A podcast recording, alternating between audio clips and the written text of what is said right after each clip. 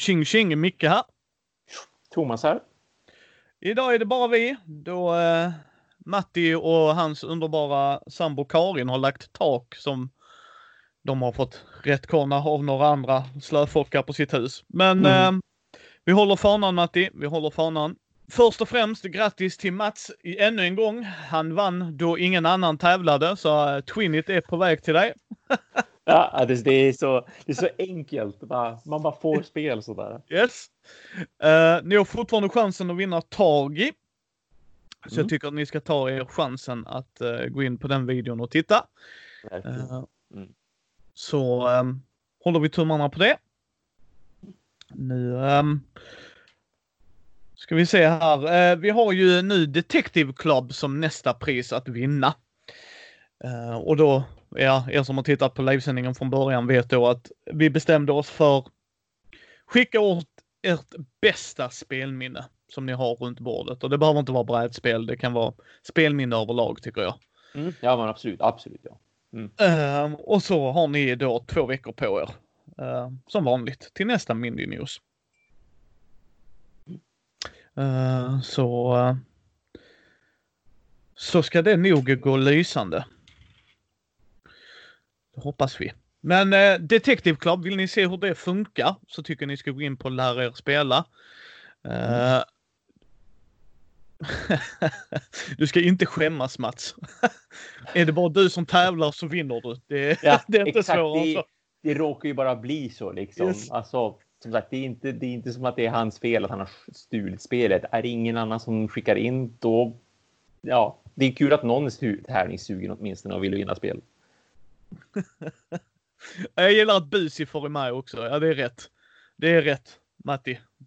Lille Busifor. Uh, Detective Club, vill ni se hur det spelet fungerar? Gå in och titta på den Super Fantastic Awesome YouTube-kanalen Lär dig spela. Eh, Yes. Jag tycker det är, är ett mycket, han har, han har lärt mig att jag har spelat spel. Ja. Precis, det är det roliga också. Vänta lite, är det så det funkar? Jaha. Ja. Ja. Alltid lär man sig någonting när man spelar. Ibland är det strategin, ibland är det reglerna. ja. Ska vi inte vara såna? Ska vi inte vara såna? Eh, nej, men det- som sagt, ta en tittare, det tycker jag. Det är en bra Mm. kanal. Ja. Eh, sen, så det är Detective Club. Återigen Asmodee. Vi tackar så hemskt mycket för det. Och nu har vi bara två spel kvar Thomas efter detta. Plus ett rollspel, det är Ökenros av eh, Wilhelm Persson, eller Wilhelm Games. Mm. Så det, det börjar ta slut här. Vi får väl kanske sparka på någon mer. Jag. Precis, vi får lite extra. Mm. Mm. Men det hade nog varit roligt att försöka få att när vi har våra nyheter att kunna tävla ut Ja. något. Absolut. Det ska nog kunna bli mer från min del när det gäller Asmodee också just Asmodee Nordics. För de verkar ha det som en ny grej nu helt enkelt att när de skickar iväg spel för recension då skickar de ett extra som man får lotta ut. Mm. Jag har hört flera, om det var Josef tror jag, alltså Niramas. Jag har för mig att han också sagt det att han har börjat få just varje gång han har tackat ja till Asmodee att så här, ja men jag visste, jag recenserar gärna det här spelet. Då har han fått ett extra också. Så det verkar som vara deras nya policy att man ska alltid kunna ha ett recensionsexemplar och så kan man dessutom göra en kul tävling av det. Så att så fort som jag eh, åtar mig någonting från dem igen så då, då kommer det garanterat att kunna bli en utlottning också. Ja, nej men vi, vi, vi håller tummarna här. Mm. Vi håller tummarna. Vi har också lite samarbete med Asmodee Nordics i duell eller duett. Så, Ja, men, så jag ska till Matti på söndag så ska vi göra en massa videos tänkte vi. Så att Mm. eh, mer, mer videos kommer både från brädspel.se och för eh, samarbete med Asmodee Nordics. Jag eh, tycker eh, vi hoppar rätt in i det som vanligt min vän. Eh, yes, mot spelen. Yes. Jag tänkte jag börjar som jag brukar göra med brädspelen och Mm. eh, sen avslutar jag med rollspelen tycker jag. Mm, mm. Samma här. Jag kommer ju också inflika med rollspelsession den här gången. Jag vet att du har längtat efter detta. Ja, jajamensan. Eh, jag fick spela Root. Ja. Då eh, mina goda vänner från Speljävlar-podcasten eh, Johan, David och Pata var här. Mm. Vi spelade också in ett avsnitt som kommer lite senare. Jag ska bara få tummarna loss och redigera. Jag har varit lite slö idag. Men så är det ibland. Eh, men vi äntligen, Root fick komma till bordet. Det är originalet, höll jag på att säga. Det är grundlådan ska jag säga. Mm, Så. mm, mm. Eh, vi spelade var det tre eller fyra partier på rad. Tror jag. Men sådär ja. Ö, Körde Ja. ni samma rent utav eh, Nej. eller gångerna eller? Nej, alltså alla... Någon bytte. Jag tror jag körde katterna två gånger. Jag tror Pata körde eh, fåglarna två gånger typ. Ja, men, sen- men det kan ju vara nice att få göra Ja. för att första gången blir det lite så här att känna på fraktioner och andra gången så kan man spela den lite mera. Mm. Så det var nog det som hände. Så det cirkulerade lite där. Eh, folk, alltså jag, jag, jag, har ingen aning om hur det här spelet fungerar egentligen. För, för det första har vi den första regelboken, så jag vet inte om jag har Oh. spelat rätt. Ja. Mm. Ja, så att det får man ta för vad det är. Det är ett sjukt intressant spel. Mm. Mm. Du har spelat det ett par gånger va Thomas? Ja, visst det har jag. Mm. Vagabonden säger alla ska vara väldigt bruten. Det kände inte vi. Vi Mm. kände att den var typ så här 4, 5, 6 poäng från att vinna varje gång. Ja, nej, men ja, absolut. Jag tycker, jag har inte heller haft problem med Vagabonden så, men jag har också hört väldigt många som tycker att, och jag vet inte om det potentiellt då är om man har spelat den väldigt mycket, men det har jag hört om katterna också till exempel, då att Ja. katterna ska vara väldigt brutna för att de är så enkla att spela och har man spelat liksom sju partier, då vinner man och vinner och vinner efter det för att man har kommit in i något slags exakt så här ska man spela. Men nej, alltså absolut att jag tyckte Vagabonden kanske var lättast på ett vis att komma in i och spela rätt utan att liksom det blev straff. Man blev bestraffad av att tänka fel någon gång, för det var svårt att tänka fel. Så att Ja. när, när, vi- när vi hade vårt första parti, då, då tror jag faktiskt att det gick bäst för just Vagabonden av den enkla anledningen att den kändes mer straightforward än de andra. Men, Ja. jag skulle inte kalla det brutet. Nej, alltså jag, jag kan bara säga rätt upp och ner att jag tror det här, det här spelet är väldigt svårt på det sättet att det handlar om om en fraktion får springa iväg, Ja, då, då vinner precis. de. Precis. Och då spelar det ingen som helst roll vilken fraktion det är. Ja. Då, då Absolut. vinner de liksom bara. Eh, så, så jag har inte spelat det så mycket och kunnat gå in på djupet. Jag tyckte det var underhållande. Jag tyckte det var intressant. Mm. Mm. Eh, liksom just att för er som inte vet vad Root är, det är fyra fraktioner i en skog. Katterna bygger och de gör på lite olika sätt där liksom. Så man ska bygga byggnader i deras vin, vinnande strategi då. Sen Mm. har du fåglarna då att de vill skicka ut sina bo så att de har sina nästen liksom. Eh, och detta är ett area control då. Mm. Och de har då en regering som bestämmer lite hur de får göra. Och detta är asymmetri like no other game. Alltså Mm. du skojar. Du, ja, eh, Twilight och våra andra favoritspel är ju också asymmetri, men de tar inte det på samma nivå som det här, för det här är riktig asymmetri. Mm. För i Mm. Twilight så har du ändå, vi har ungefär snarlika sätt att göra grejer på, med en liten skillnad. eh, som är stor i Twilight Imperium om vi ska snacka om det spelet. Ja. Medan här, fåglarna funkar inte som Vagabonden, funkar Nej. inte som möss. Alltså totalt, alltså Mm. även, även om du och jag kan crafta så är det inte ens i närheten av samma sätt som vi Mm. craftar som, alltså det är det jag menar. Så här, typ i Mm. Twilight så när Thomas och jag bygger skepp så bygger vi skepp. Ja, men precis på samma Alltså, vis. Precis. Ja. Sen har vi andra, andra skepp, annorlunda skepp, absolut, men det är samma, samma tillvägagångssätt. Det är det inte här. Mm. Det är det Mm. inte här, alltså det, det är inte ens i närheten. Och eh, det är sjukt jäkla intressant. Och med Mm. rätt grupp människor så är det ett bra spel. För här måste du anfalla. Gång Mm. på gång Oh ja, på oh ja. gång på gång. Ja. Och du måste hålla folk checkmate. Jag vill inte spela detta på tre spelare. Jag kände det direkt. Jag vill spela det på fyra. För mig, Mm. för att jag ska kunna spela det spelet, så vill jag vara fyra. För annars, spelar du det på tre, ja, då slår jag och Thomas på varandra så vinner Matti. Varför? För Mm. Du har lite besök där Thomas. Ja, jag fick ett litet besök mitt i alltihopa. Jag hade ett ganska distret besök alldeles nyss som, som bara ligger här bredvid som jag kan klappa. Men sen plötsligt så kom det någon och tyckte att hej, livesänder du? Kul. Nej, men eh, det är liksom så här. Och, eh, tycker jag folk ska ta en titt på det. Gillar du area control med asymmetri? Ja. Hatar du de grejerna? Hålla ifrån det, för att det är precis vad det är. Är regelboken vedervärdig? Ja, i den editionen jag har är den det. Den är helt jävla vedervärdig. Spelplanen var wobbly wobbly, vilket för Ja. mig var så här, man bara Och det är det fortfarande. Alltså, Ja, Ja. det, det, det är verkligen det sämsta med komponenterna. Annars tycker alltså det är ju, jag älskar estetiken, liksom artworken och sådär. De här små pjäserna man har, man ser vad som är vad. Det är väldigt fint gjort överlag tycker jag. Men som sagt, jag fattar inte hur de kan ha det så felskuret, det här brädet. Och det är verkligen på vartenda bräde jag har sett. Så fort folk lägger upp bilder på att de sitter och spelar ja. Root, då ser jag alltid den här liksom, ja, brädorna ja, ja. ligger inte som de ska. Så att matta, det är ju det man, det var det jag köpte senast jag uppgraderade mitt Root. Då uppgraderade jag med en spelmatta för att jag kände att ja, nej men nu, nu köper jag den här. Det får kosta vad det kostar vill. Då slipper jag ha det här problemet. Ja, jag ångrar nog lite att jag inte gjorde det, men eh, skitsamma. Det är ett okej okay spel.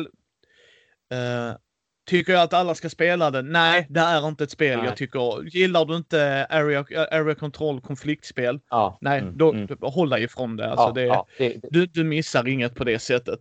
Ja, är det ett bra spel? Ja, det är det. Är det ett mm. fantastiskt jävla bra spel?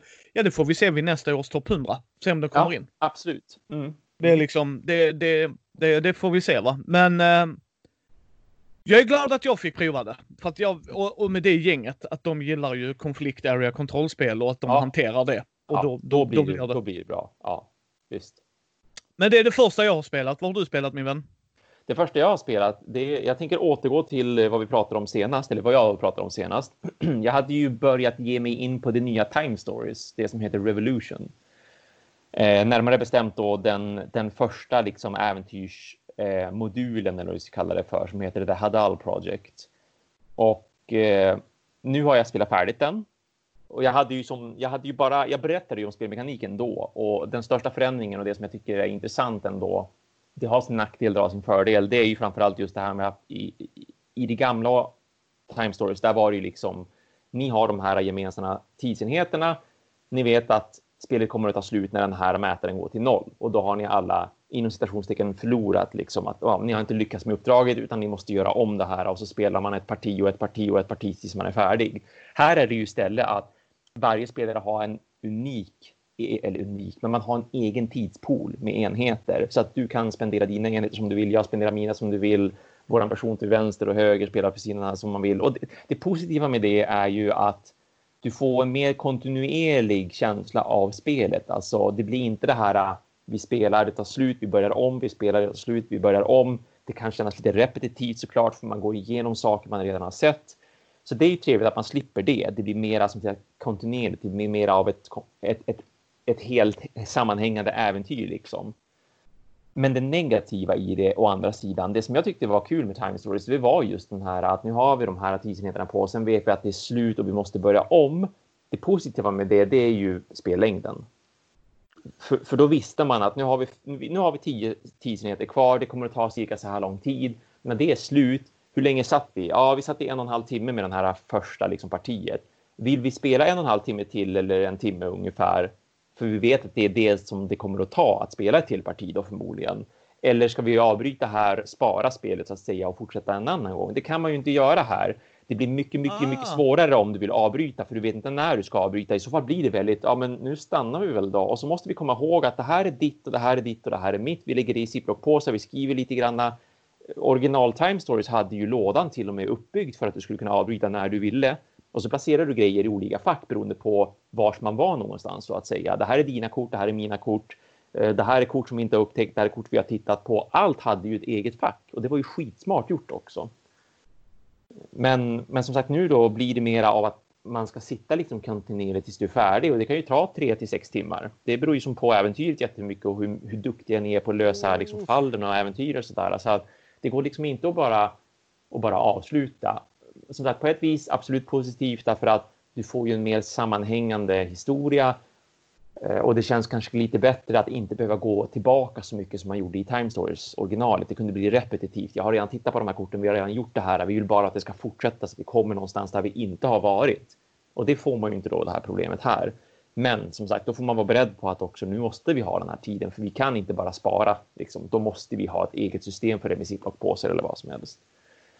Men annars i spelmekanik och berättelse tyckte det var jätteroligt verkligen. Jag tycker de har gjort jäkligt intressanta och bra uppgraderingar till vissa saker av liksom vad som händer och hur det händer.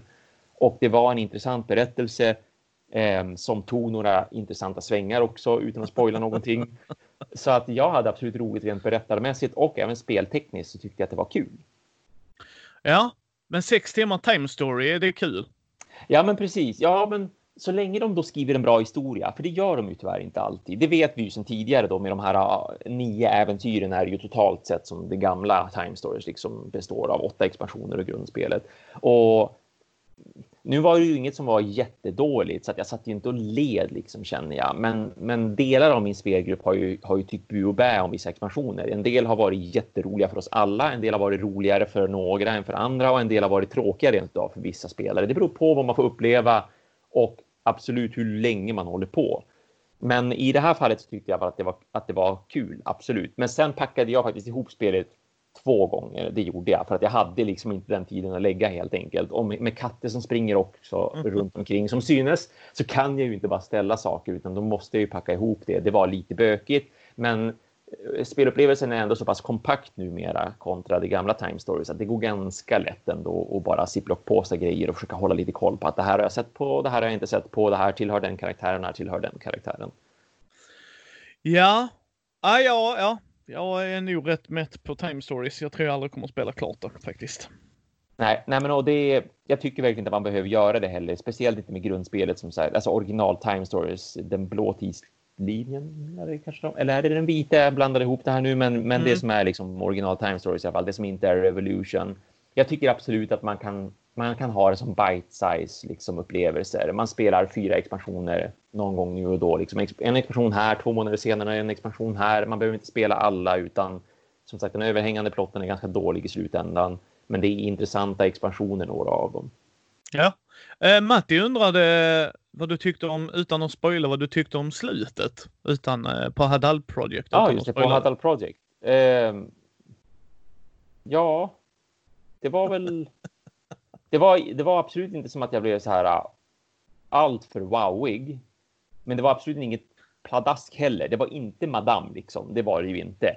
Men, äh, men det var ju inte kanske som de bästa av, äh, av Time Stories expansionerna heller. Jag tycker att det var generellt en trevlig upplevelse rent storyline-mässigt. Men det var inget så här, oh my god vad mindblown jag blev. Utan det var, det var trevligt liksom. Jag ångrar inte ja. att jag spelat igenom det, men det vore kul. Absolut. Jag vill absolut spela fler, men jag hoppas på att det ska komma en topp liksom. Ja. Ja, ja. Eh, där har ni gott folk. Er ständiga kämpe med time stories. Thomas. Slipper jag ta den kulan.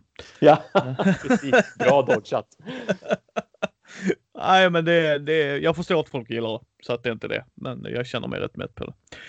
Uh, det andra spelet som jag tänker på, och det sista brädspelet av de jag kommer att prata ja, om, mm. är uh, ett spel jag och Matti fick spela hemma hos Matti. Mm. Uh, som jag la upp lite bilder på och det var också med speljävlar killarna och Fredde. Mm. Och då jag och Matti då. Det var Game of Thrones The Board Game. Med Mother of Dragon expansionen. Oh, vad kul! Föra om den. Mm -hmm. ja, Uh, han tyckte, Matti tyckte det var lite långt för payoffen. Ja. Mm, uh, mm. I, I Hadal.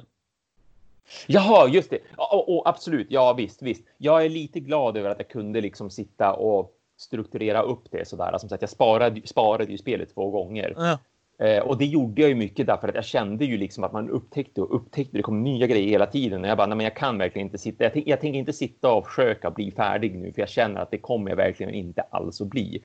Eh, och som en bite-size upplevelse på det viset, precis som gamla Time Stories var gjort att spelas, tycker jag att det blev förmodligen bättre för mig. Jag hade nog också tyckt absolut att när jag, om jag lägger ihop de speltiderna, eh, den speltimmarna som jag drar ner på det här Project så tror jag ju att jag hade blivit ganska trött i slutändan. Eh, det är kul att spel tar tid. Det är kul att de har skrivit mycket berättelse, att man får ut mycket av liksom berättelsen och spelmekaniken och pengarna. Ja. Men, men ja, alltså jag jag hade nog tyckt att det var tråkigt att sitta där med en spelgrupp och hålla på liksom timme efter timme efter timme efter timme efter timme och sen komma till det slutet. Det tror jag. Ja. Eh, som sagt, Game of Thrones The Ball Game eh, mm. från FFG, Fantasy Flight Games. Nog ett av de mest tematiska spelen jag har spelat i mitt liv. Mm. Mm. För det här är verkligen backstabbing deluxe. Ja. Det är Game of eh, Thrones. yes, och Area Control och vi körde med Mother of Dragons. Uh, så vi hade Targaryen med oss. Aj. Och sen var jag fågeltanten. Uh, sen var det väl, ja, ja alltså husen är jag jättedålig på. Sen var, Matt, ja, sen var Matti bläckfiskfolket. Ja. Mm. Nice. Uh, Fredde var Stark. Mm. Lannister var också med. Och sen fasiken, vem var Johan? Ja, skitsamma. Någon av dem där nere. Så. Ja, ja. Mm. Söderut på kartan. Uh, och Targaryen vann. Jaha. Mm. Nice. Okej, så var där. Lite intressant. Uh, Ja. Sjukt intressant spel. Som jag säger, typ, det är, det är ett väldigt tematiskt spel. Det är ju som Mm. Mary Trash det kan bli. Mhm. Eh, det här är ju gömda ordrar. Eh, vilken ordning man får spela dem i påverkas av en mätare. Kort som flippas upp, events då, så helt plötsligt händer det saker så blir vi Mm, anfallna. mm. Massa, massa sådana saker, vilket var väldigt tematiskt och jag tyckte det var väldigt roligt att spela. Jag tror jag hade det är nog ett spel du ska spela med folk som är på samma nivå så att ni lär er samtidigt. För jag, Matti, Fredde hade ingen aning om vad grejer var värda. Nej, nej, men absolut. Ja. Mm. Eh, med det sagt så sjukt jävla roligt att få spela det. Jag äger ju det. Så att det var min Mm, kopia mm. som vi tog med oss. Eh, mycket, mycket roligt. Mycket, mycket så här, bara ta. Jag tror det var en tillvalsregel att du har de generalerna. Så att man ska spela en general precis innan man går in i strid. Mhm. Och det kan påverka att man har support och nej, nej mycket, mycket strategiskt. Ja. Mm. Mm. Eh, Men man ska nog vara sex pers. Och Ja. jag har ju läst till mig liksom sådär. Ja, precis. Men vad tycker du om Game of Thrones, Thomas? Spelet eller serien? Ja, Alltså serien Liksom, kan, vi, kan, jag, kan jag dissa totalt. Ja, nej, men då så. Ja. Ja. Femman, sexan, sjuan, åttan Ja, säsongen. ja, ja, Men, men eh, absolut. Ja. framförallt Nej, åttan. Men äh, spelet i sig. Ja, jo, jag tycker också att det är, jag tycker det var superroligt. Jag, jag spelade det ju på, när det var nytt, liksom. Den andra utgåvan var ny. Jag har aldrig testat första utgåvan och det där, men den andra utgåvan var ny. Det var då jag dök in i det med den spelgruppen jag hade då. Och vi hade också väldigt kul med det, som sagt, väldigt tematiskt. Eh, och intressant spelmekanik och intressant, eller, intressanta mekaniker rent utav. Både som du säger med det här att man kan bli anfallen av då wildlings är det väl, har jag mig, bakom muren liksom. Och så hur det funkar med area control och all backstabbing. Att man lägger dolda order är jag ett stort fan av och även en eller två andra i min spelgrupp som jag har just nu också. De tycker sånt är svinroligt och man kan bluffa vad man gör för någonting Ja. och så här. Man har en pakt och så bara varför lägger du en markör i mitt område för? Man, Nej, men jag ska. Det är ingenting. Jag lovar. Jag ska bara. Här är mina riktiga grejer. Det här det är bara någonting. det, det är Civ 5 där bara. Thomas, vad gör du utanför min gräns? Ingenting. Ingenting. Jag har inte hela min armé precis utanför dina gränser, Micke. nej, Jag har ing... nej. Skulle aldrig marschera Skulle in. aldrig. Vad gör du med planet där, Micke? Du, nej, nej, nej, du behöver inte titta här. Lita på mig. Ja, exakt. Det blir de, ja. Ja, ja. Nej, jätteroligt att spela. Ja, eh, intressant att de gjorde just Mother of Dragons expansionen tycker jag så pass länge sedan som det ändå är som grundspelet kom. Och det har jag förstått räddar spelet rätt mycket. Jaha, okej. ja, så att det förändras till, till rätt mycket mumma där i. Ja. Jag har, men jag, det, det är vad jag har fått berättat för Mm, mig, så mm. det kan jag inte svära på. Va? Men jag, jag tycker det var underhållande. Fredde ville spela det mer. Jag vill också spela det mer med Mm, Martin och Oliver och liksom Matti, jag och Fredde och så någon annan liksom. Så kan vi ha jättekul med, med själva grejen tror jag. Ja, ja, ja, absolut. Men samma sak här. Eh, Det här är ju ett längre spel, så Mm. gillar man inte det så kan man ju skita i det. Och bara rakt av. Ja, man måste Eh. vara sex pers och man måste ha tid till det. Ja, uh, gillar man inte area control? nej. Uh, gillar du inte backstab? nej. för för det, det måste jag säga, jag sa det, det här är så jävla tematiskt. Mm, mm. Alltså ett av de få spelen jag har känt tematiken rakt igenom. Nu snackar vi brädspel. Rollspel kan jag sitta och Mm. diskutera i timmar. Ja, men i brädspelsformat liksom just att det här var backstabbing. Men okej Mm. Thomas, Thomas jag anfaller inte dig. Så anfaller inte du mig. Och så gankar vi Fredde. Ja! Ja. Vad fan följ mig Thomas? Vad fan? Nej men det var ju att jag och Fredde hade en deal ju så. Haha! Precis, precis. Under, under bordet tåflörtade vi lite grann med varandra. Eh, Sjukt, sjukt kul. Och det var så jävla roligt när folk sa Ska vi bort? Ja, så gick de bort. Så började vi Ja. andra prata. Ja, ska Ja. vi hindra dem då? Ja, det kan vi väl göra. Nej, nej, nej, kom inte tillbaks. Vi har inte pratat klart än. Nej, då får vi stå här i köket och vänta då. och svettas. Yes! Varför Nej, pratade men det de med varandra? Det var ju vi som skulle prata med varandra. ja. Nej, det är mycket roligt. Mycket, mycket roligt. Och jag var jätteglad att få spela med dem. Eh, Mm. Så tack så mycket grabbar.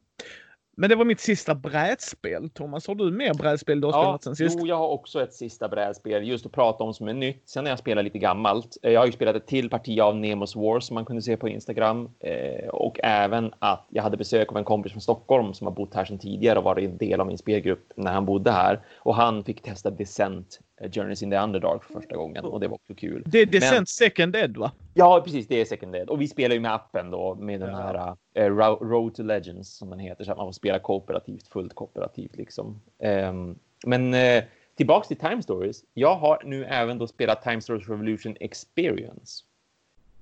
Och det är ju då en storymodul får man kalla det för. Det är för oss som undrar vad i HVT hände egentligen där i gamla Time Stories? Förlåt mig. Eh, Mats, jag är Eurogamer. Behöver inte vara orolig. Jag är fortfarande Eurogamer. Det, jag doppar tån i Ameritrash då och då. Men jag är fortfarande Men- Eurogamer. Ja, ja. Du, du kommer aldrig att sugas ner i det djupet. Det är, det är alltid bara att, att doppa tån. Så det behöver ni inte vara oroliga för gott folk. Eh, förlåt, eh, experience. Ja, jo, eh, experience. Det är, som en, man får, det är som att det är en liten modul, ett supplement till Time Stories Revolution. För nu är det ju tänkt då att de här expansionerna eller spelen, vad man ska kalla det för, som kommer i Time Stories Revolution, som då det här av Prodigy är ju den första. De är ju standalone äventyr. Man spelar dem bara för att spela dem. Du behöver ingen grundlåda, utan varje spel är ett eget spel den här gången. Så att man måste inte ha något för att kunna spela något.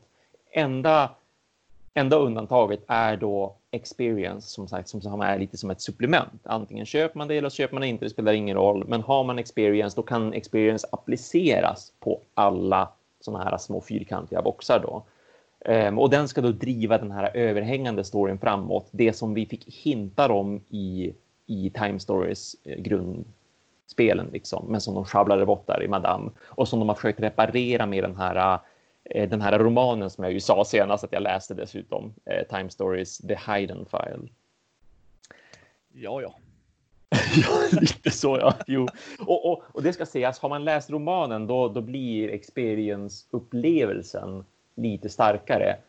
För det som händer i experience har absolut väldigt mycket koppling till vad som händer i The Hidden File. Det är nästan så att jag skulle säga att man, nästan, man måste nästan läsa romanen, Alltså- annars har man ingen koppling personligt så. Nu är vi där vid Star Wars 7 igen. Ja, absolut ja. Liksom, absolut. ah, ah, jag hänger inte med här hur de kan bara, Har du inte läst de 78 serietidningarna innan? Bara, Precis. really? Ja, exakt. Really? Eggholes. Ja. Ja, förlåt. Ja, Ja. så att ska, ska man gå in för experience för att man vill ha då en förklaring till vad är det som har hänt, varför har det blivit så här, varför slutade grundspelet som det gjorde, alltså original time stories, ja men då, då ska man absolut läsa romanen också och så sen hoppar man in i experience och så börjar man bygga upp någon slags story. För experience, den spelar man både innan man startar en en, ex, en expansion eller vad man ska kalla dem för, alltså en Time Stories Revolution-äventyr. Innan man startar ett sånt så spelar man experience och efter att man är färdig så spelar man experience. För det som händer i experience, det experience gör, det är att du kommer att kontrollera faktiskt att ha personligheter som är de här agenterna som hoppar in i kroppar. För det är, det är så det funkar i, i Time Stories. Alltså teknologin bakom att vara en tidsagent som man är och, och att hoppa i tiden och att ta över människor. Det är ju att det inte är du som transporteras fysiskt till en annan tid och lallar runt där, utan du transporteras ju in i någons medvetande och så tar du över den personen och det är på det viset som du kan hoppa då i tiden. Och här i Experience så kommer man alltså att ha ett extra person, en extra karaktärsark. Att istället för att bara sitta med karaktärsark som säger att du är den här personen i den här tidsepoken, liksom, så har du ett till karaktärsark som säger du är den här personen som hoppar in i den här personen. Ah, Alltså, det, det, lager för, på lager då. Ja, för det är de personerna i experience, det är de karaktärerna. Om du då hoppar in i den här personen och jag väljer den här personen utan att nämna några namn och så vidare eh, och spoila någonting, då kommer vi alltid att ha dem. När man spelar de här expansionerna, både i grundspelet Time Stories men också i Time Stories Revolution, där väljer man ju liksom varje gång man spelar så spelar man ju en ny karaktär och du kan ju byta karaktär on the fly också. Ni behöver ju inte ens vara samma karaktär under ett helt äventyr utan man kan ju byta om man vill. Det spelar ju som ingen roll man tar ju liksom lite grann av det man behöver för upplevelsen för att klara äventyret. Men här blir du en person det är det du ska vara. Det är det som ska knyta an till den här stora övergripande arken av vad är det som händer egentligen? Vad försöker ni att göra? Så att du har en karaktär, den är alltid din och den kommer alltid att finnas underliggande så att säga till då varje äventyr som man spelar som är Time Stories Revolution. Och sen kommer man då emellan de äventyren då hamnar man liksom på den här platsen i Time Stories experience-tidslinjen där du är den här tjejen eller killen och det ni håller på och samarbetar för att försöka uppnå. Så då har man ett litet miniäventyr som bara är ett spelkort egentligen. Mer eller mindre, so far åtminstone. Det är ett spelkort som säger att det här händer i ert läger, det här högkvarteret som ni har skapat. Eh, försök att deala med det problemet, ta hand om det på något vis. Ehm, som en grupp då såklart. Och sedan i de här äh, äventyren man spelar då i The Hadal Project i det här fallet så fick jag tag på två stycken kort som jag sparar och lägger till min experience liksom.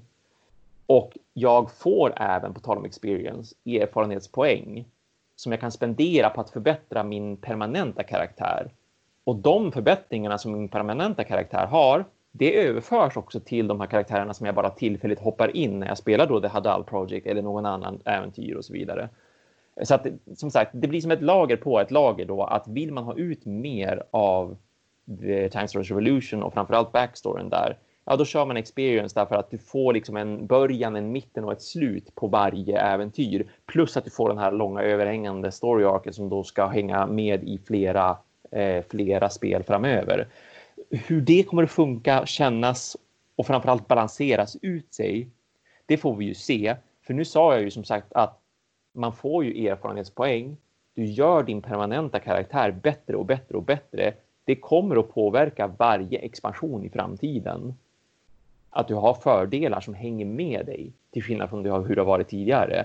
Hur kommer det att balanseras egentligen? Undrar jag lite grann spontant så här att de som bara spelar varje Time Stories Revolution-äventyr som ett äventyr bara, som en standalone och skiter i den övergripande storyn, kommer de att ha det svårare då kontra oss som liksom spelar med experience och har en permanent karaktär som vi har gjort bättre som påverkar den här upplevelsen liksom hur balanserar man ut det? är Det som jag är mest nyfiken på.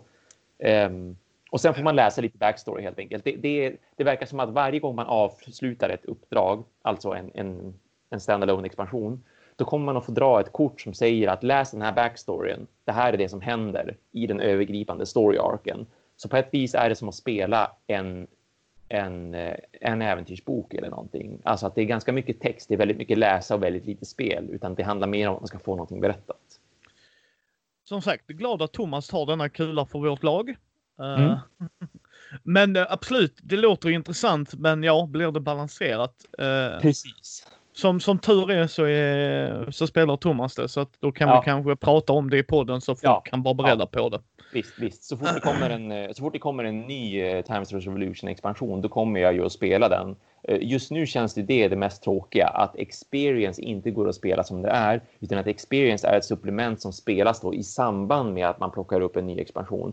Vilket ju gör att jag bara står nu och så här äh, rullar tummarna och väntar på att de ska släppa nästa expansion, som förstås är försenad i och med hela covid-19 och alltihopa. Så vem vet när jag får göra det igen? Och vem vet hur ofta jag kommer att få göra det också? Lite grann att de så här, jag hade gärna sett att de hade prånglat ut ett par expansioner i det här laget. Jag hoppas att de kan liksom reparera den här luckan som nu har uppstått i och med att produktionen har legat nere och så.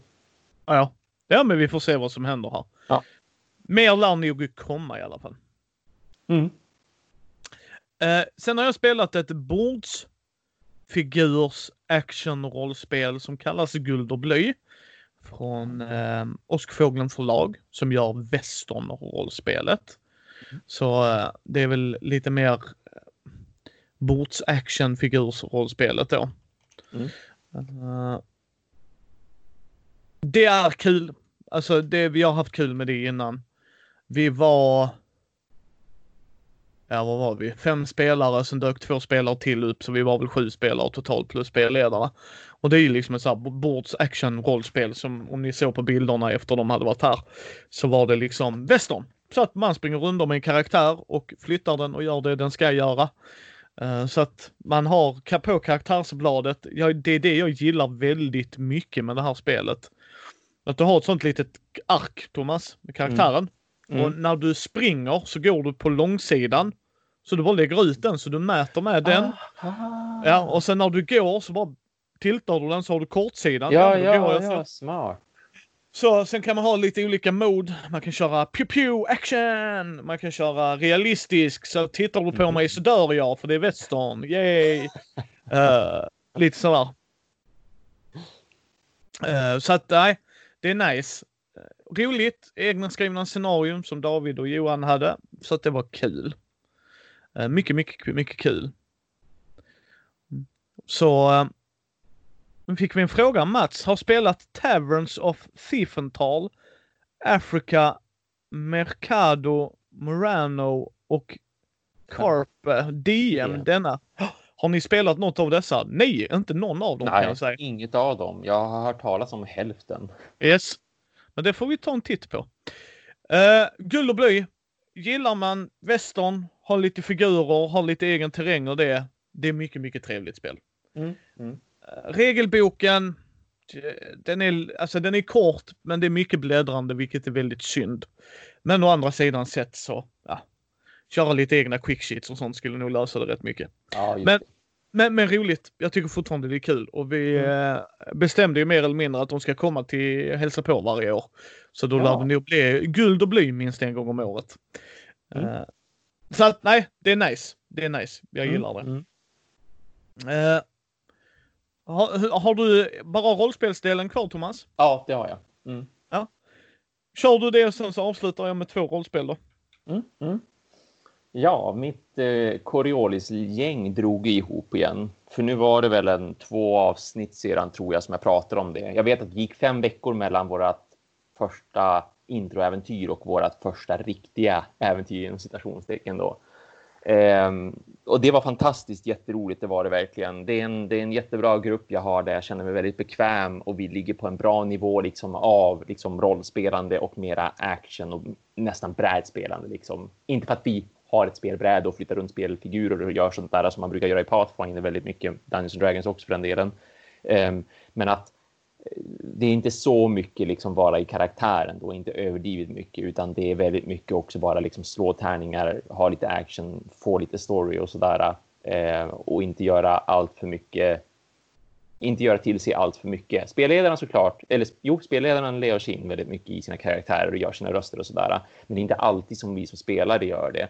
Eh, det märks ju liksom att två av oss är inte jättevana rollspelare just och två är vana rollspelare plus spelledaren. Ja. att det, det, det blir som de är mer in character liksom och så är vi lite mer, vi kan vara lite mer out of character även om vi försöker. Men eh, som sagt, jag, jag, tycker att det är, alla verkar nöjda liksom och tycker att det är en trevlig nivå ändå på rollspelandet och framförallt att vi har kul tillsammans. Ehm, Ja men det är det viktigaste ju. ja. Och det, Och sen- det, ja. Ja nej sen är det ju eh, beroende på vad man vill gå. Övning är ju också färdighet. Svårare Ja, så men är det ju inte. Absolut, Så så, att- är det ju. Ja, ja. Eh, jättebra, jätte, jättebra uppstyrt verkligen av John som våran spelledare heter. Han är dels väldigt påläst, men sen också hur han förbereder inför varje äventyr. Alltså, det, jag, jag blev väldigt imponerad av den här ja, omgången nu som vi spelade. Både hur han, han rent utav läser upp nyheter om vad som händer inne i den här uh, universumet. För Coriolis ska ju ändå vara, som jag fattat det nu då, av honom och av Kenny som är en av de som spelar. De har spelat gamla Coriolis dessutom, så de är ju lite Coriolis-veteraner på det viset. Eh, Och det händer ju väldigt mycket i världen. Det är väldigt mycket politiskt. Det verkar vara mycket fraktioner Oh ja. som är liksom Oh i ja, oh ja, luven oh ja. på varandra.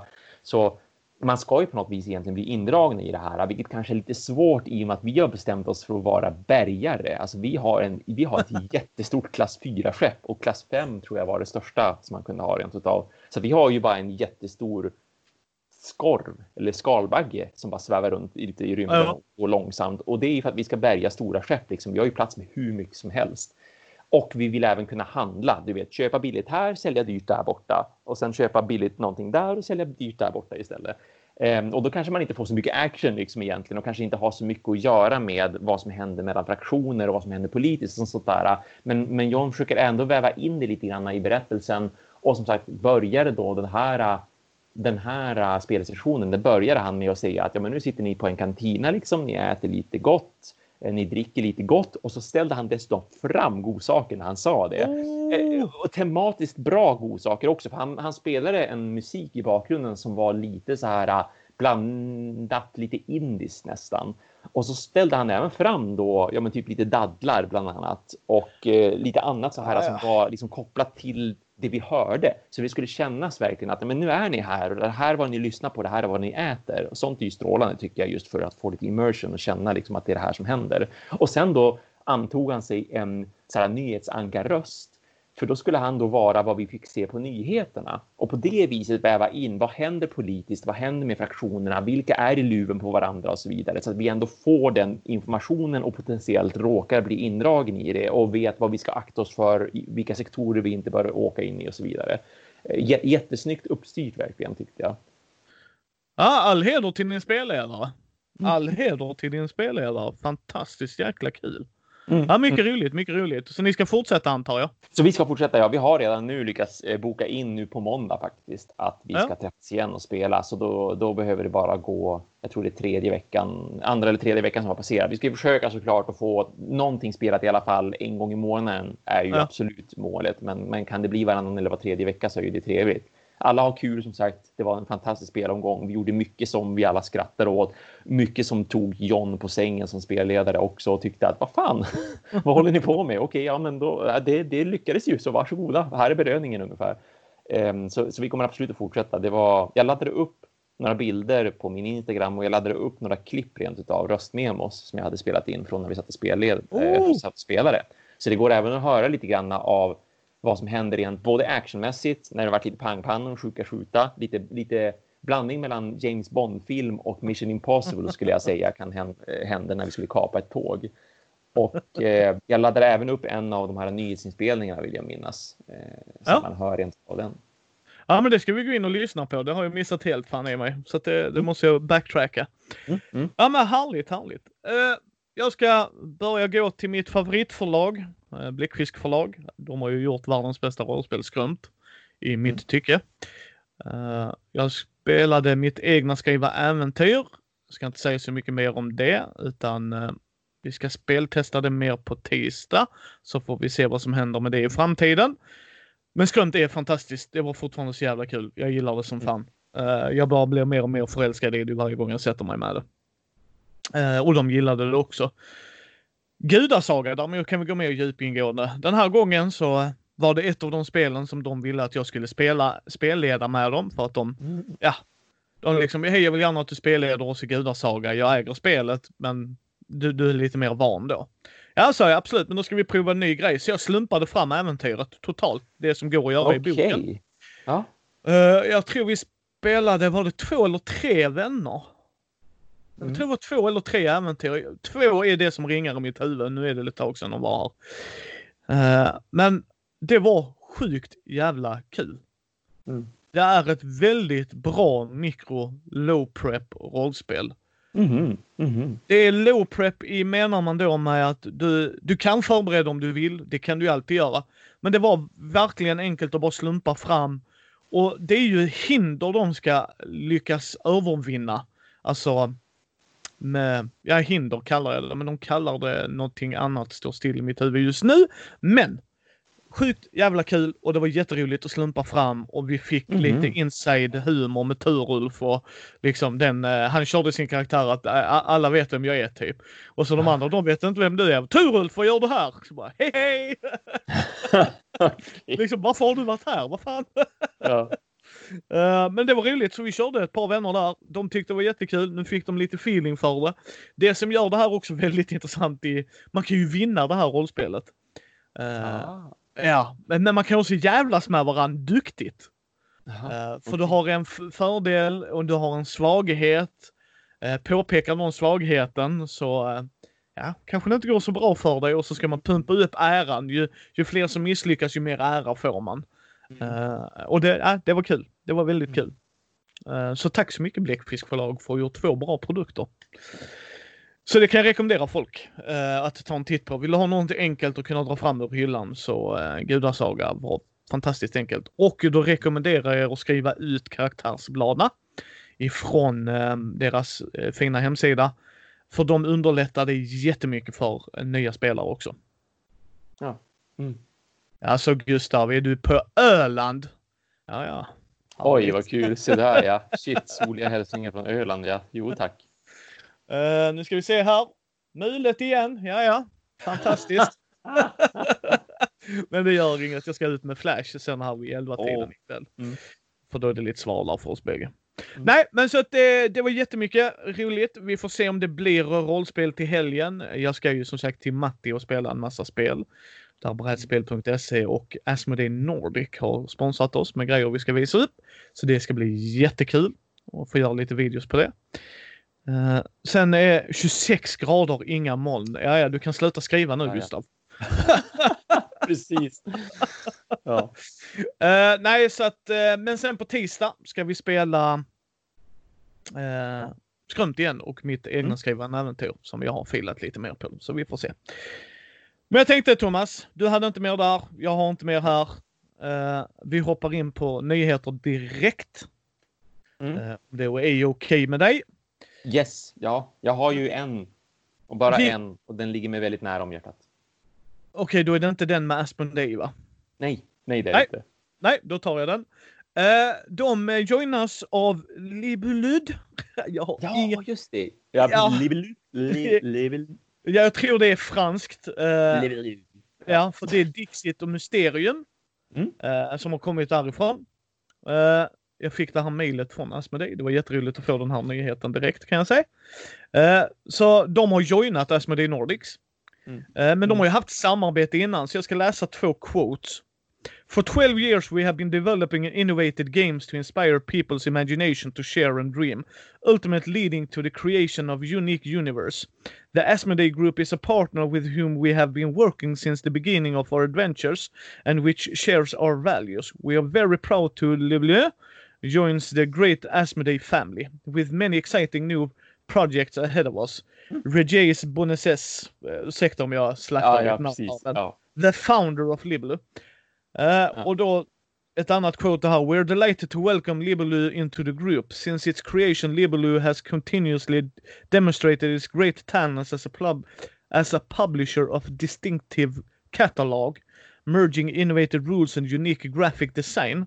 This acquisition is the logical outcome of a fruitful collaboration that has been going on for 10 years. We're extremely happy to welcome to the foundation uh, to welcome the foundation Libelu whose values perfectly match our social commitment. Mm. Uh, Stefan Corville, CEO of Asmodee Group. Uh, Red, han som grundade, han kommer steppa down och då kommer en, en, eh, en annan kille som är Matthew Albert som har jobbat vid sida vid sida med honom i fem år som kommer att leda studion. Mm. Sjukt jävla kul. Mm. Det är jätteroligt att de uh, mergar med dem. Det är jätteskoj. Visst. Mm. Så det ser vi fram emot och se vad som kommer därifrån. Jag gillar ju Dixit och Mysterium och Ja, det ja. är, Oh, är väldigt fina spel. Ja. Håller med. Eh, Så det är jätteglada nyheter. Så att eh, det var den första nyheten och du hade, har du bara en nyhet Thomas? ja, visst. Den enda som jag har uppmärksammat och som jag blev pepp på att få säga någonting om, det är ju, det är ju eh, Twilight Imperium. Att Det är ju Ah! rykte det här. Eh, det, det, det råkade ju läcka ut en bild, en, ett produktblad, liksom, eller vad man ska kalla det för, en produktbild av det- att Thomas, Ja. det sägs att det har ryktats sedan i mars. Oj, sådär ja. Så länge ändå. Ja, och det kan jag förstå ändå. För att Ja. det, det kändes som att det börjar bli dags för att vara Imperium fjärde utgåvan faktiskt ska få en expansion om de nu har någonting planerat ändå. Jag trodde det här skulle hända tidigare faktiskt. Ehm, och då började det kännas som att nej, men de kanske är så nöjda med grundlådan att de inte vill ha en expansion. Helt enkelt, vad vet jag?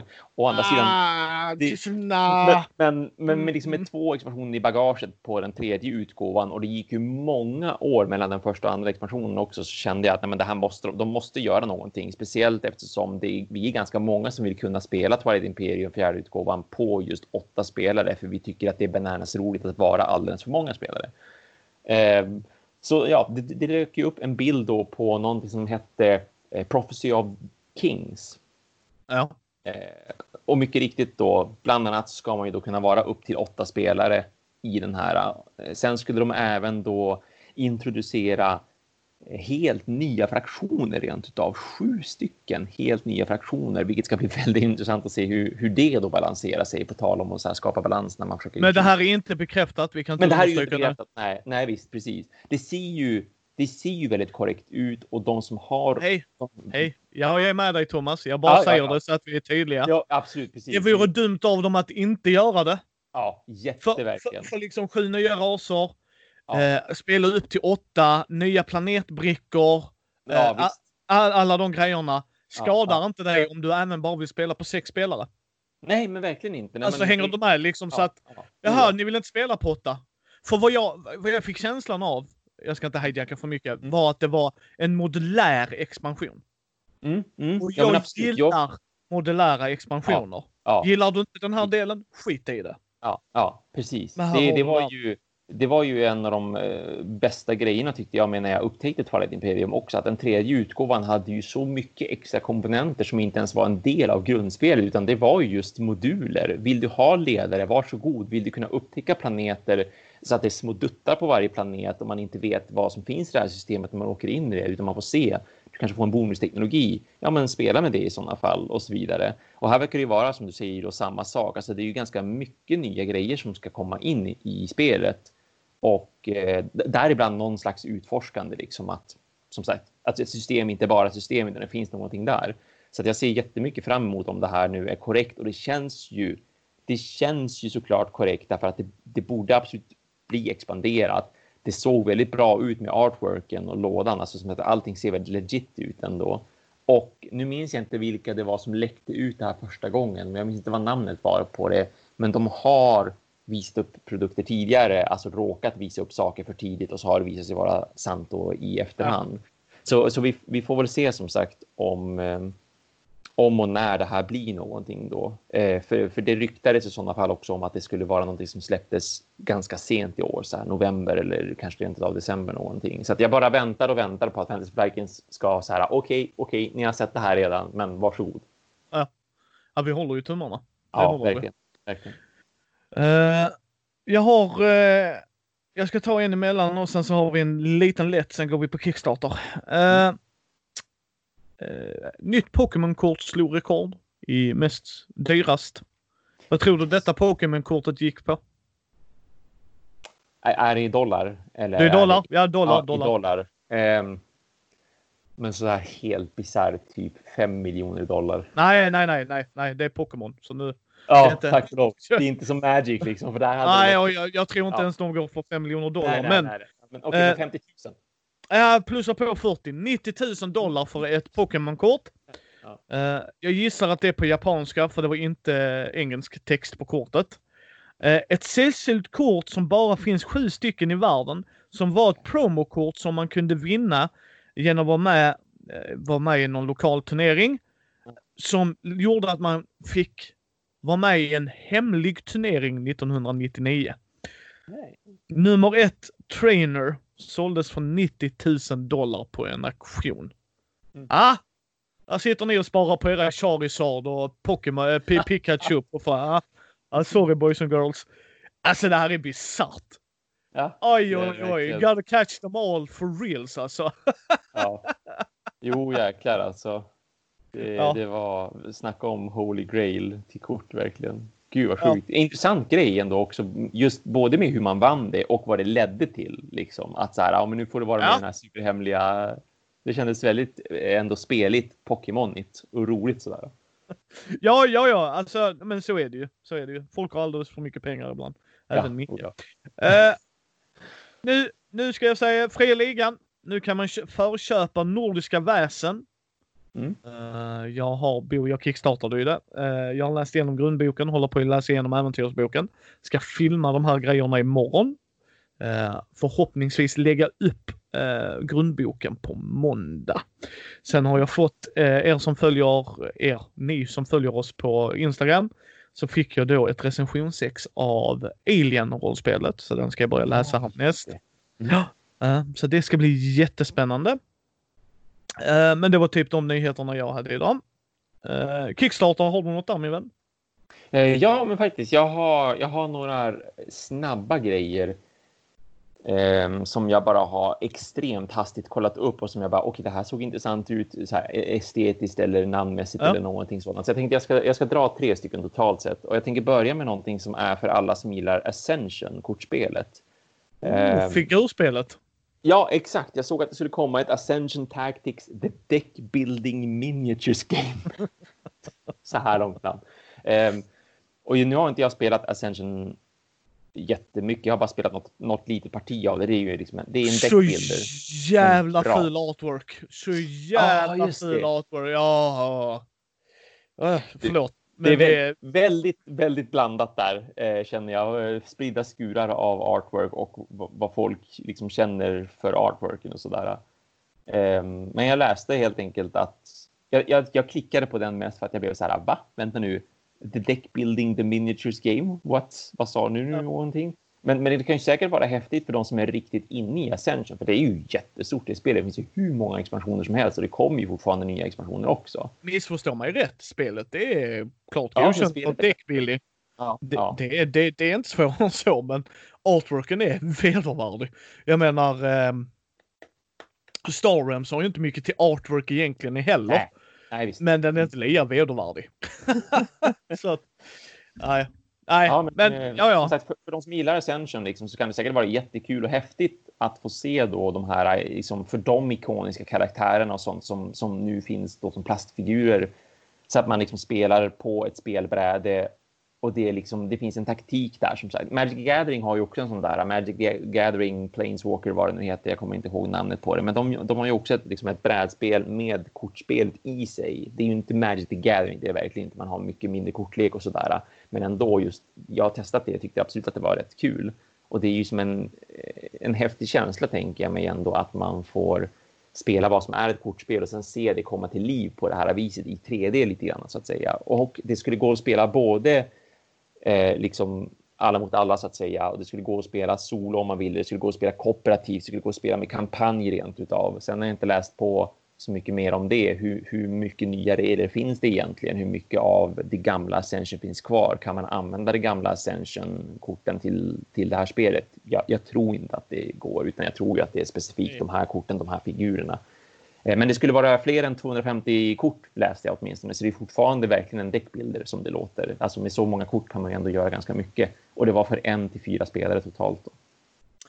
Nice. Eh, just nu är det 20 dagar kvar när ni, när ni, som, in, ni som inte livestreamar. Okej, okay, om ni tittar på livestreamen, det är 21 dagar, men ni som hör det här i efterhand och, och när det släpps då i, på fredag, så är det 20 dagar kvar. De har fått in 3 miljoner svenska kronor så att det blir ju fundat. De skulle ha 1,3 miljoner eh, och att göra en pledge kostar 900 kronor. Det är 99 dollar för corset. Ja, men där ska vi inte sparka på dem tycker jag allt för mycket för där är ändå Nej, figurer med. Ja, så exakt. Att, ja. Det är ju inte bara de här 250 korten utan det är ju massvis med plastfigurer också. 30, eh, massor och massor, men det, det är 38 stycken miniatyrer och sen står det 27 stycken unika då eh, figurer. Ja jävlar, ja då, push, det är att, inte... Eh, och det, det är ju det som, det vet vi ju verkligen sedan tidigare också, att det är det som verkligen kostar. Om man gör en plastfigur och alla 70-11 figurer ska se ut likadan som den, ja men då blir det inte så himla dyrt liksom. Men när du ska göra unika sculpts, då kostar det pengar.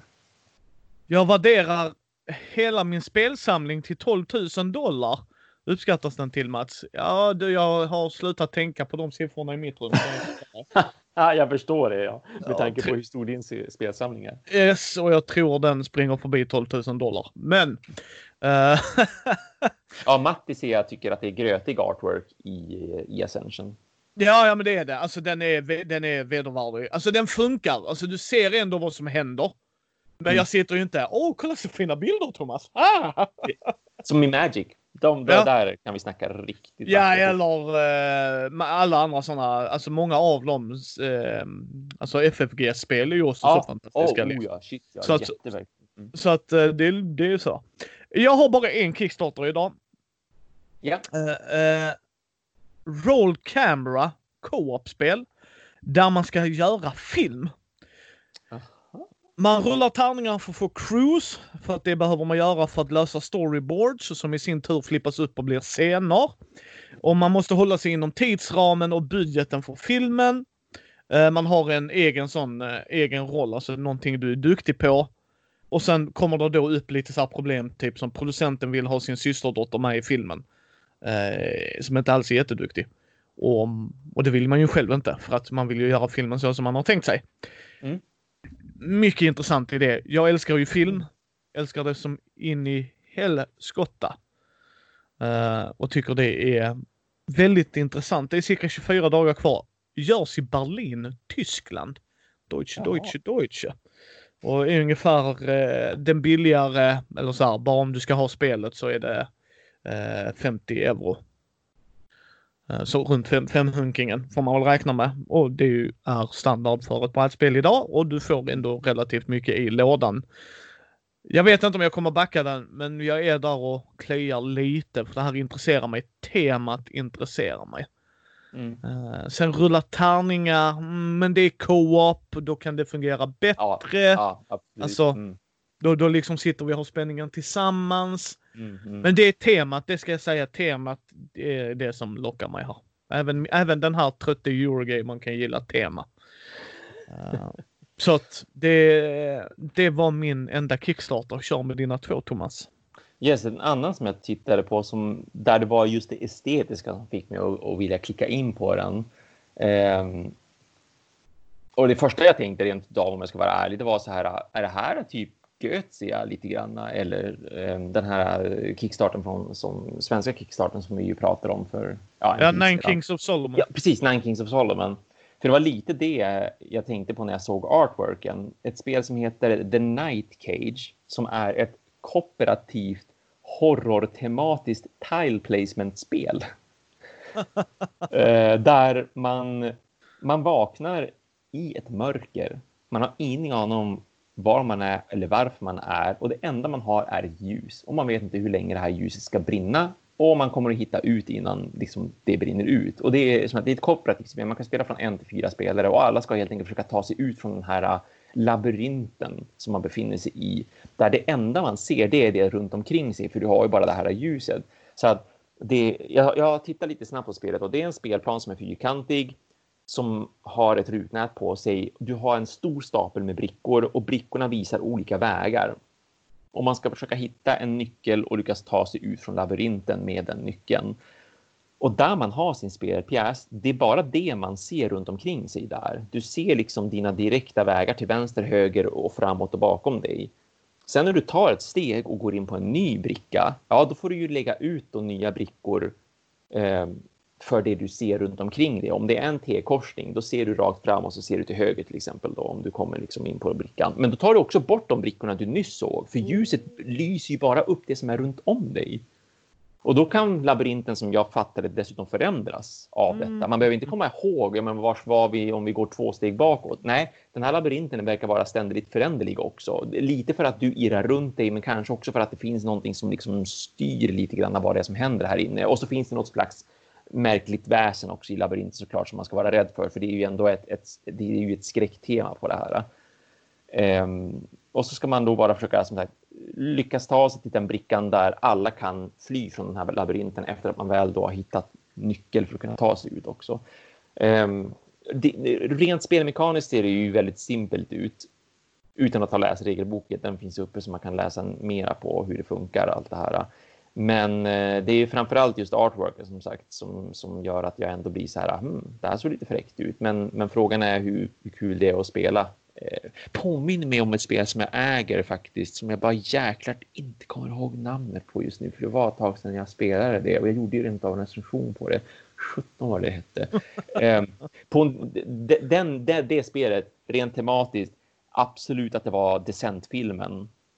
Eh, om ett gäng eh, grottutforskare, ett gäng tjejer som hamnar, de håller på att utforska en grotta som aldrig har blivit utforskad tidigare och så händer håvete där nere verkligen med jättekonstiga varelser och de ska försöka ta sig ut och liksom ha inte eh, batterier eller mat eller någonting för att kunna överleva särskilt länge och så vidare. Jätte, Ja, ja. jättebra spännande film. Ehm, och och den, det, det här spelet som jag inte kommer på namnet nu idag, dels så det baseras absolut på den filmen och det här spelet tycker jag påminner om det i och med just det här tematiska att man befinner sig någonstans. Det är mörkt, det är något som jagar dig. Du vet inte riktigt vart tar du ut, hur långt, hur långt bort är liksom utgången och hur ska ni göra för att bäst samarbeta för att ta er ut tillsammans. Eh, The, The Night Cage som sagt har samlat in 400 000 kronor. De behövde 70 000. Det är ja, ja, ja. 19 dagar kvar medan vi livestreamar detta och för att pledga och få ett spel så behöver man lägga cirka 300 kronor. Ja. Ser intressant ut. Mm.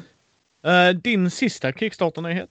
Min sista på tal om att det ser intressant ut, men hur bra blir det? Och som får mig att tänka på ett spel som Brisse nämnde, där jag inte heller kommer ihåg namnet på nu, men det var ett så pusselspel, om du kan komma ihåg namnet kanske, ett pusselspel där man tittade in. Det var som en, det var som en låda du tittade ja, ja. Liksom in och skulle försöka hitta. Okej, om jag ser där så är den här dörren. Jag vet vilket, precis. Jag vet ja. exakt vilken du menar, men jag har ingen aning om vad det heter.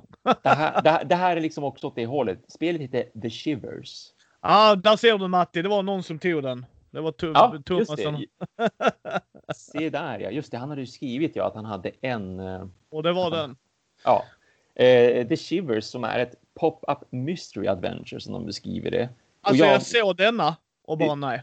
Ja, men eller hur? Det, det är liksom både och. Alltså jag kommer inte att backa det, det kommer jag inte göra. Men jag måste ändå få nämna det för att det finns säkert någon som kan tycka ja. att det här verkar vara jättehäftigt eller spännande för familjen eller vad som helst. Just i och med att det, det är ju från sju år uppåt, så det är ju absolut ett familjespel på det viset. Och så sedan är det ju intressant med vad man har för idé här med de här pop-up byggnaderna som man tittar in i och poppa upp platserna som man ska undersöka och ha ett riktigt förstoringsglas som jag såg på trailern och så här att titta sig omkring och bara, ja men bakom den här krukan så finns det någonting och bla bla bla. Um... det jag, jag hade för mig i titeln så stod det eller underbeskrivningen liksom RPG. Ja, visst. Det verkar ju som att det finns lite grann av en spelledare rent utav. Äh, och, och då blir det lite så här bara, nej, nej, sorry. Och så här, man, man ska berätta en historia liksom samtidigt också. Man kommer till olika platser och man har varsin karaktär och sådär. Så att ja. Uh, förlåt här. Mystery House, var det det vi tänkte ja, på? Ja, Mystery House. Så yes. yes. Yes, Tack Lars. Tack. Ja, tackar.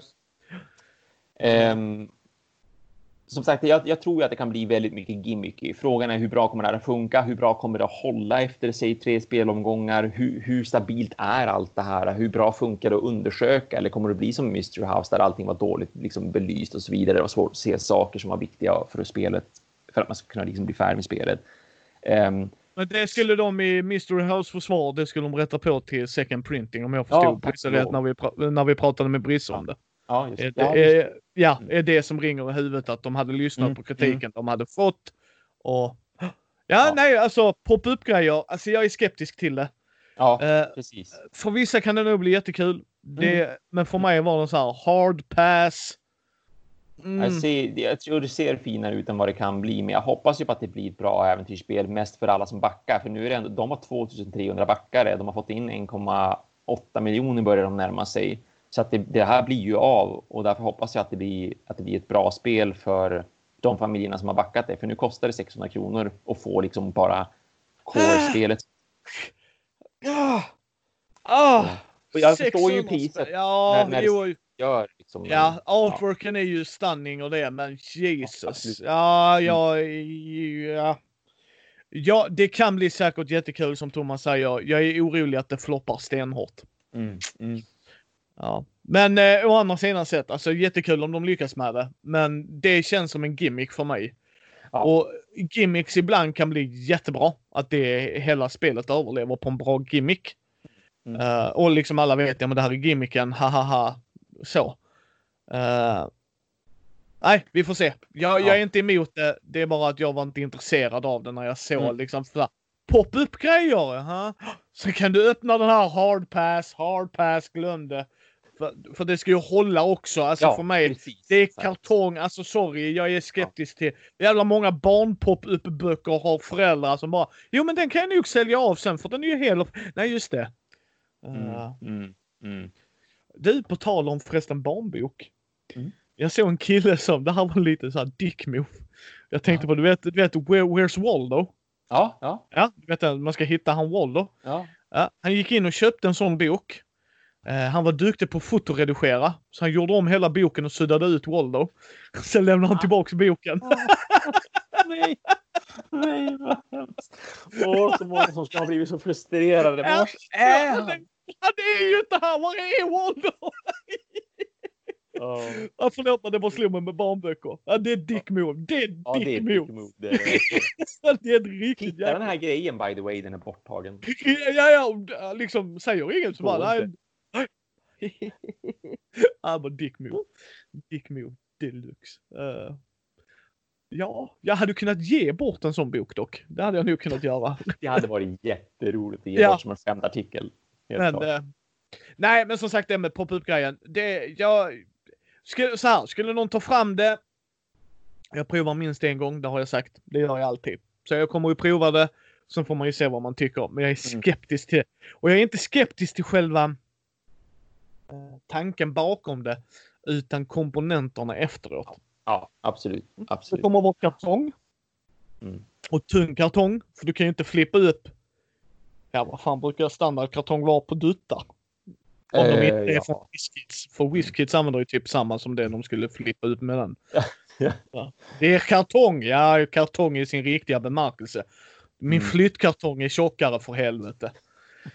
Uh, WizKid gör intressanta spel men komponenterna. Ja, Jag, jag har aldrig öppnat Ja. ett WizKid-spel och tänkt Thomas fy fan vad bra komponenter det var i denna lådan. Nej, det kommer nog aldrig hända som det verkar. Men eh, ja, vad fasiken. Nej men det är en intressant idé. Eh, För mig var det bara liksom en hard pass för att Mm. jag är orolig att det inte skulle fungera. Men som sagt, över 2000 backare. Uh, får du lite traction. Ja, Ja. men precis. Låt oss hoppas på deras skull att det blir någonting. Och, sen vet man ju aldrig. Kör de en första printing, ser vad fel de kan göra bättre visst, till second. absolut. Ja, ja. Det känns, det, det, känns som ett sånt spel. Man kanske kan så här, åh, intressant, här ska jag hålla koll på hur det, hur det går för dem och sen kanske de nästa sommar, för det här ska släppas nästa sommar, då kanske de gör en second, second edition och man kan förvänta sig att den kommer att bli bättre i sådana fall. så Ja, då kanske precis. man ska liksom vänta tills dess. Men eh, ja, det var väl våra nyheter då, både Kickstarter och det. Thomas kommer skicka länkarna till mig. Det kommer Ja. vara i show notesen. Mm. Eh, den på, eh, jag kan säga till Fria Ligan är det bara att gå in på deras webbutik och så hittar ni vad ni kan preordra från dem. Pokémon-kortet har en egen länk. Eh, ryktet kommer vi inte länka till. Det kan ni gå in på ett av forumen och läsa. Eh, utan när det väl blir officiellt så blir det officiellt. Men eh, Kickstarter-grejerna kommer ni kunna hitta. Eh, då brukar vi prata om vad vi kommer släppa här näst. Eh, nästa onsdag, eller nu på onsdag som kommer, eh, vet jag inte vilken av videosarna som kommer ut, men det kommer ett nytt duell eller duett i alla fall. Mm. Eh, den serien Matte och jag håller på med. På måndag så kommer förhoppningsvis Nordiska väsen, grundboken plus tillbehör. För jag brukar göra en sån bonusvideo om man vill titta på tärningarna, spelledarskärm, lite sådana grejer. Mm. Så eh, det kommer då. Förhoppningsvis, annars blir det en annan video. Jag har en buffert av en anledning. Eh, jag ska sätta mig och redigera imorgon innan jag och frugan ska på agility-kurs med hunden. Mm. Ett poddavsnitt som jag spelade in med Moa och Mia igår där vi pratar om vad man kan få ut utav att lyssna på AP-poddar och vad AP-poddar kan typ lära ut. Nu Mm. står det, det är mycket mer catchigare titel som Moa kom på. Eh, så det är förhoppningen att det kommer på måndag. Eh, och sen nästa måndag igen så kommer lite andra grejer. Mm. Hur går det för dig Thomas då? Har du filmat något? Kommer du filma något? Du Ja, börjar ju men- närma dig en flytt ju. Precis, jo, jag, jag tänker på Nemos War fortfarande. Det är därför jag spelade nu ett, ett till parti så pass tätt in på det förra partiet också. Samtidigt som det är för att behålla lite regler och sånt där i huvudet samtidigt förstås. Eh, så att jag är fortfarande lite sugen på eh, peppen från dig att du skulle tycka att det var, vore väldigt intressant spel ändå att kunna visa upp eh, och som ett, som ett rent solospel så där också för folk att så här, men är det här verkligen värt de här pengarna kostar ju ändå 700 kronor. Så att jag, jag fortsätter att tänka på det och fortsätter att spela det. Förmodligen så blir det nog en, en video i framtiden, men då är det ju just det här med flytten som sagt. Näst, nästa gång som vi har ett nytt Mindy News, då kanske jag just har fått nycklarna Ja. och, och liksom börjat ta de första stegen i flytten potentiellt. Så att vi får se hur, Nu har jag ju den här smidiga lilla bärbara, min lilla Ja. notebook, liksom, så att jag kan ju alltid liksom, ganska enkelt ställa upp den och bara spela in och vara med. Men det beror på vad som händer då, hur mycket stressad jag känner mig med liksom, Ja, ja, den ja. flytthelgen som är där. Men i och med att flytten är på gång och i och med att jag håller packar, packar ner väldigt mycket spel och har ganska stökigt såklart, rent generellt sett i lägenheten på grund av kartonger och så vidare. Så då kommer det ju inte att hända någon video innan jag flyttar mest troligt, för det blir lite för stressigt känner jag. Nej, och vi kan nog eh, spela in på onsdagen om det skulle hjälpa dig. Just det, det skulle du nog faktiskt kunna göra ja. Ja, För att precis, jag är precis. ledig då. För att jag är, Ja, ja, men då så. har jobbat ihop mina timmar så chefen Ja. säger du kan gå hem sen. Okej, då går jag hem sen då. Ja, Så ja, det- men, det- visst, det kan vi nog... Ja, men då tycker jag det. Så ska du inte Mm. stressa ju. Mm. Så håller vi tummarna att vi träffas. Ja, men visst, det också. Ja. Vi Visst. håller tummarna som Sören på det. Mm, mm. Men eh, ja, men då tycker jag vi kör ett wrap här. Tackar er så mycket för att ni har tittat, ni som följer oss live här. Mm. Eh, det var jättesynd att Matti inte kunde vara med. Men jag får träffa Matti på söndag. Så det ska bli skoj. Uh, ska vi se hur det har gått med taket. Mm. Liksom. Så det ska bli trevligt och alltid lika trevligt att prata med Thomas. Detsamma, jag har alltid trevligt att prata med dig mycket också och få liksom språkas ut i eten på det här Ja. viset. Och, och kul att se folk som följer oss i chatten också och kommenterar. Ja, absolut. Eh, vi kommer att försöka livesända detta så mycket som möjligt. Ja. Det Mm. kan vara om Thomas och jag träffas uppe i Umeå att vi kanske kör ett live på det Ja. sättet. Eh, och då kanske det blir lite svårt att streama live till andra. Men så är det ibland. Eh, men tack så hemskt mycket för att ni har tittat. Tveka aldrig eh, att höra av er om ni har frågor och funderingar. Eh, ni hittar oss liksom på våra sociala medier. Thomas hittar ni på hans Super Fantastic Awesome-grupp så det är bara att gå in där och titta. Uh, gå in och titta på Thomas videos. Det är vissa spel som jag tycker Thomas borde kanske re-evaluate. Som jag skrivit mm. i vår chattar. Eh, men eh, ja, jag gillar ju Thomas ändå även om han har crappy taste ibland. Eh, nej, gläder mig. Så att du inte bara ärligt. kickar mig från podden. nej, det kommer jag aldrig göra Thomas. Okej. Eh, men det var så jävla roligt att jag såg om den videon. Så bara, "Hör, det spelet har jag och Matti. Så bara, "Ja, i helvete, gillar du det? Vad fan är det för fel på dig pågjävel? Nej, Ja. jag säger det med glimten i ögat. Ja, Vad fan, ja. Thomas vet det. Jag gillar Thomas jättemycket. Och vi behöver inte alltid hålla med varandra. Så är det. Nej. Men vi har en snarlik smak ändå, vilket jag tycker är jättekul också Mm. på ett sätt. Mm. Men ni kommer aldrig se mig sitta och spela ett jävla solospel, det kan jag informera om. Nej. Ja, tack själv Lars, tack så hemskt mycket för ikväll. Uh, som sagt, vi kommer, vi brukar skriva ut samma dag. Eh, varför vi gör det är för att eftersom det kan röra sig så vi vill inte säga att varje torsdag 19 och nej utan vi skriver mitt på dagen, ha koll. Det blir oftast antingen på onsdagen eller torsdagen. Mm. Eh, det är de dagarna vi siktar på. Ehm, och då ungefär snarlikt vid den här tiden. Kanske någon halvtimme tidigare eller så. Mm. Ja, Men ja, som sagt, precis. vi brukar skriva det. Så joina oss gärna på livesändningarna. Kom ihåg, gå in nu på Lär dig spela och titta på Detective Club. Uh, ha en chans att vinna igen. Tack så hemskt mycket igen Asmodee Nordics för att ni ger oss chansen att tävla ut en sån. Och skriv till oss med motiveringen då. Dela med er av ert bästa spelminne. Det behöver inte vara brädspel, det kan vara rollspel, det kan vara figurspel, spelar ingen roll. Absolut, ja. Nej. Mm. Det ska vara med spel att göra. Ingen Ja. sporttrams nu. Då blir ni diskade direkt. Utan det här är spel. Vi vill promota spel. Mm. Sport får ni lyssna på annan podd. Mm. Eh, så ta chansen att vinna det. Uh, återigen grattis Mats till uh, Twinit. Det är på väg till dig. Eh, så eh, kommer vi synas om två veckor igen. Jajamän. Och ni når oss på connordago.gmail.com om ni vill skicka Mm. till Thomas. Eh, tävlingen skickar ni till micke.mindy.nu. Då är det Matti, jag och Thomas som kommer utse vinnaren. Alltså Mm. vi tillsammans. Mm. Eh, jätteroligt att du är med oss Mats. Alltid lika roligt att höra av er. Hör av er med all typ form av... Har ni feedback, ge oss det. Jag Mm, kan inte mm. understryka det nog. Eh, och är det något ämne ni vill att vi ska plocka upp? Är det någonting ni skulle höra i nyhetspodden? Är det någonting vi kan göra för att interagera mer med er? Bara kom, tips och idéer. Vi är alltid mottagliga. det är Mm, inte mm. än så. Mm. Ni hittar ju oss på mindy.nu, vår hemsida, så gå in där och ta en titt. Där hittar ni också liksom alla avsnitt och alla videos vi har släppt och allting. Ni hittar ju oss på Mindy eh, bräd och rollspelspodd på Youtube, Twitter och Instagram. Följ oss jättegärna där för de senaste nyheterna av vad vi håller på med i podden. Eh, och Thomas Twitter och Instagram finns också, Mm. så där kan du också titta in. Och även Mattis eh, hemsida, brädspel och sånt eh, och Instagramkonto. Så ta en titt där. Så brukar ni kunna se vad vi håller på med i våra nördiga liv. För jag Mm. tänker inte bli vuxen Thomas, det kan du skita Nej, gud. gud i himlen, aldrig. Aldrig. Den gången det händer, vet du, då, nej, då lever vi inte längre. Nej. Eh, Så tack så hemskt mycket gott folk. Och så hörs vi om två veckor igen Thomas. Yes, det gör vi.